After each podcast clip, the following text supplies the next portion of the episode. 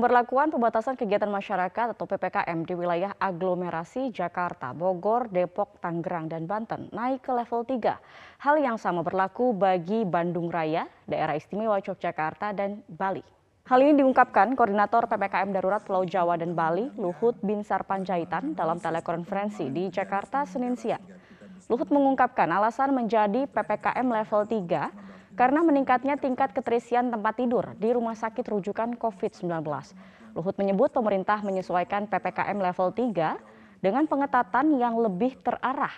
Hal ini guna melindungi orang lanjut usia, orang dengan penyakit penyerta, dan warga yang belum divaksin sama sekali. Luhut memerinci sejumlah penyesuaian yakni supermarket dan mal tetap bisa beroperasi hingga pukul 21.00 waktu setempat, namun kapasitas maksimal hanya 60 persen pengunjung. Anak di bawah 12 tahun bisa masuk mal, namun minimal harus sudah vaksin dosis pertama. Berdasarkan level assessment saat ini, kami sampaikan bahwa aglomerasi Dabodabek, daerah istimewa Yogyakarta, Bali Bandung Raya, dan akan ke level 3. Hal ini terjadi bukan akibat tingginya kasus, saya ulangi, bukan akibat tingginya kasus, tetapi juga karena rendahnya tracing. Uh, Bali juga naik ke level 3, salah satunya disebabkan oleh rawat inap yang meningkat. Pemerintah melakukan beberapa penyesuaian aturan level 3 dengan kebijakan pengetatan yang lebih terarah bagi kelompok lansia, komorbid, dan belum divaksin. Untuk industri orientasi ekspor dan domestik dapat terus beroperasi 100%. Jika memiliki YOMKI, dan minimal 75 persen karyawan dosis kedua vaksinnya dan menggunakan peduli lindungi. Peduli lindungi jangan pernah ditinggalkan. Untuk kegiatan supermarket dapat beroperasi sampai dengan pukul 21 dan maksimal mengunjung 60 persen. Sedangkan untuk pasar raya dapat beroperasi sampai 20.00 dan maksimal pengunjung 60 persen. Untuk mall akan dibuka pada sampai pukul 21, maksimal 60 persen pengunjung bagi anak kurang dari 12 persen, 12 tahun minimal vaksin dosis pertama. Dan tempat bermain anak serta tempat hiburan dapat dibuka maksimal 35 persen dan wajib bukti vaksinasi dosis untuk uh, anak di bawah 12 tahun. Untuk warteg dan lapak jajan dapat dibuka sampai jam 21, maksimal bisa 60 persen, dan restoran atau kafe juga dapat dibuka maksimal 60 persen, pengunjung sampai 21.00. Untuk bioskop tetap kita buka dengan anak di bawah 12 tahun diperbolehkan masuk tetapi harus sudah menerima dosis pertama. Untuk tempat ibadah maksimal 50 persen, kapasitas dari kapasitasnya, fasilitas umum maksimal 25 persen, Terkait Menteri Sosial Tri Risma hari ini yang kedapatan menegur keras anak-anak jalanan yang sedang tidur di depan sebuah toko di Kabupaten Jombang, Jawa Timur. Mau kayak gini terus, kamu nggak selamanya muda. Balik ke orang tuamu ya. Nanti tak cari beneran kok kamu. Setelah ini kamu tak cari. Ya. Seragen di mana? Seragen di mana kamu? Pemirsa teguran keras Risma terjadi di Jalan Raya Gambiran, Kecamatan Mojo Agung, Kabupaten Jombang. Amarah Risma tak bisa dibendung setelah satu di antara anak jalanan yang kepergok menggelandang mengaku sebagai pasangan suami istri. Diketahui ada delapan anak jalanan yang didapati Risma menggelandang di depan toko-toko. Seluruh anak jalanan tersebut diketahui berasal dari wilayah Semarang, Sragen, Demak, hingga Malang. Risma mengatakan akan mengecek langsung ke rumah-rumah mereka pada hari Senin. Risma meminta mereka pulang di antar dinas sosial setempat dan tidak menggelandang kembali terlebih mereka rata-rata masih berusia belia. Ada sebanyak 18.966 orang dirawat di rumah sakit rujukan COVID-19 di seluruh Indonesia per Minggu 6 Februari 2022. Ya betul, jumlah itu hampir seperempat kapasitas tempat tidur secara nasional. Pemirsa kasus harian COVID-19 terus bertambah. Tingkat keterisian BOR nasional saat ini mencapai 23,35 persen dari 81.235 kapasitas tempat tidur yang tersedia. Juru bicara Kementerian Kesehatan Siti Nadia Tarmizi meminta masyarakat tidak menyepelekan penularan COVID-19 termasuk varian Omikron. Disiplin protokol kesehatan menjadi kunci kasus COVID-19 Indonesia segera melandai. Angka COVID-19 di Jakarta terpantau terus mengalami kenaikan sejak beberapa pekan terakhir yang berdampak pada peningkatan dari bed occupancy rate atau BOR. Ya, Wakil Gubernur DKI Jakarta Ahmad Riza Patria mengatakan saat ini BOR DKI Jakarta mencapai 63 persen dengan ketersediaan tempat tidur sebanyak 5.737 yang terpakai 3.618. Masyarakat diimbau tidak panik karena pemerintah provinsi akan menyiapkan segala yang dibutuhkan seperti obat-obatan, vitamin, masker, dan APD. Melihat data, jadi memang terjadi peningkatan bor menjadi 63 persen. Jadi dari 5.737 yang tersedia terpakai 3.618. Ini 63 persen. Namun demikian perlu kami sampaikan dulu di Juni-Juli 2001 kita pernah mencapai 11.500. Jadi itu artinya sekalipun 63 persen ini dari seat atau dari tempat tidur 5.730 ya. Kalau dari 11.000 ini mungkin cuma 31 persen ya. Jadi tidak usah khawatir, DKI Jakarta memiliki cukup baik, cukup banyak fasilitas.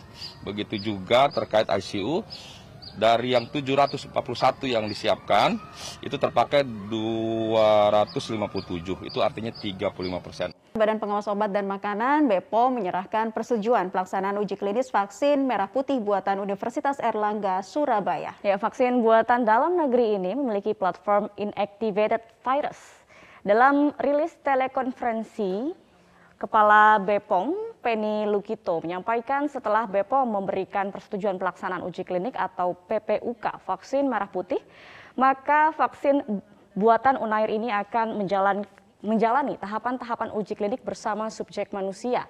Uji klinik fase 1 akan melibatkan 90 subjek, sementara uji klinik fase 2 akan melibatkan 405 subjek. Ratusan subjek ini akan dibagi ke dalam tiga kelompok dengan dosis yang berbeda. Pelaksanaan uji klinis fase 1 dan 2 diharapkan segera dilakukan sehingga hasil dan evaluasinya bisa didapatkan untuk melakukan uji klinik fase 3 yang ditargetkan pada April 2022. Targetnya, izin penggunaan darurat dari BPOM untuk vaksin merah putih Unair diperkirakan bisa dilakukan pada Juli 2022. BPOM juga memastikan proses pengembangan vaksin merah putih termasuk inspeksi kesiapan uji klinik di RSUD Dr. Sutomo Surabaya akan dikawal penuh oleh BPOM. Badan POM menerbitkan PPUK vaksin merah putih yang dikembangkan oleh peneliti UNER dan PT Geotis Pharmaceutical Indonesia.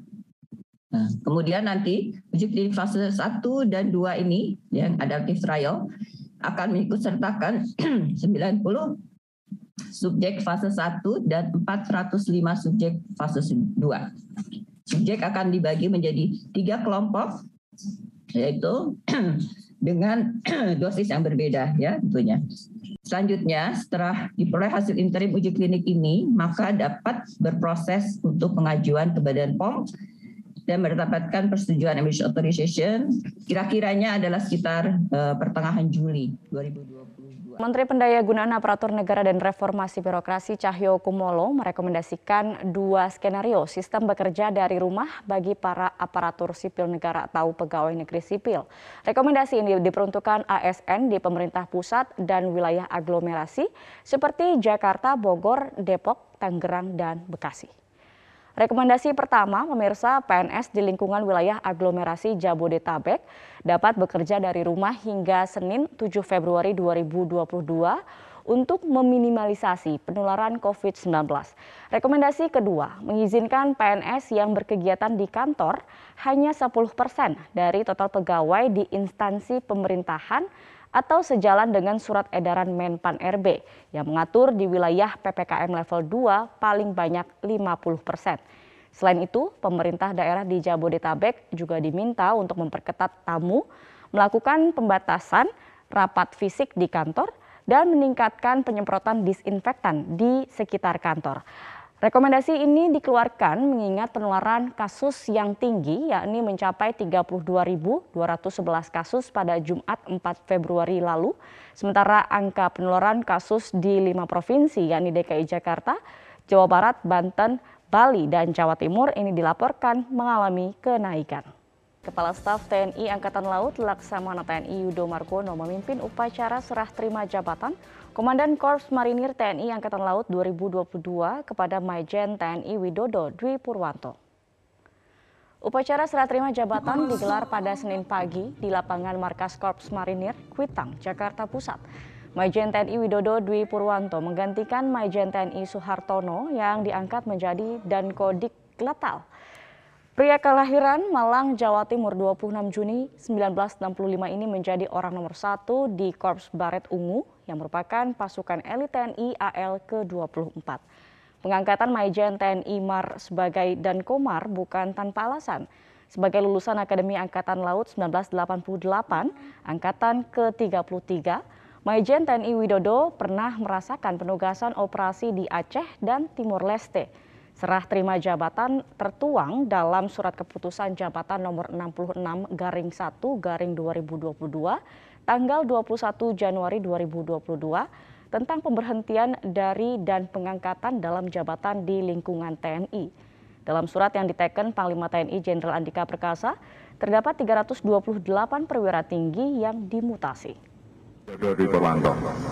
Ya, seperti kita ketahui bersama bahwa sejak tahun 2019 sesuai dengan Perpres 66 Marinir telah berfungsi sebagai Kota Ops dan Kota Mapim. Kota Ops di bawah Panglima TNI yang bertugas menjalankan operasi amfibi, operasi pertahanan pantai dan juga melaksanakan pengamanan pulau terluar dalam rangka OMP maupun ONSP. Kemudian sesuai dengan uh, tadi juga bahwa Marinir juga memiliki fungsi uh, pembinaan, pembinaan kekuatan dan operasional satuan marinir dan juga melaksanakan pembinaan potensi maritim dalam rangka pertahanan keamanan masih di awal tahun nih. Merencanakan keuangan tentu menjadi salah satu hal yang penting dan istilah financial decluttering atau berbenah keuangan kini menjadi populer. Decluttering dalam bahasa Indonesia sendiri artinya berbenah atau beres-beres, membuang hal yang tidak diperlukan. Nah, decluttering atau membenahi keuangan disinyalir menjadi langkah awal agar perencanaan keuangan bisa lebih baik dan terarah.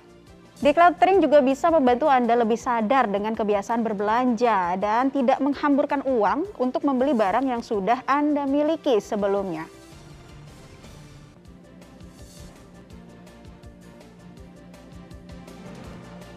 Dalam decluttering kita bisa melihat semua aset yang kita miliki. Seperti apakah kita atau seperti apa kita telah memiliki deposito atau reksadana, emas, falas atau hal lain. Ini menjadi penting agar bisa diestimasi investasi lain apa yang tepat untuk dimiliki.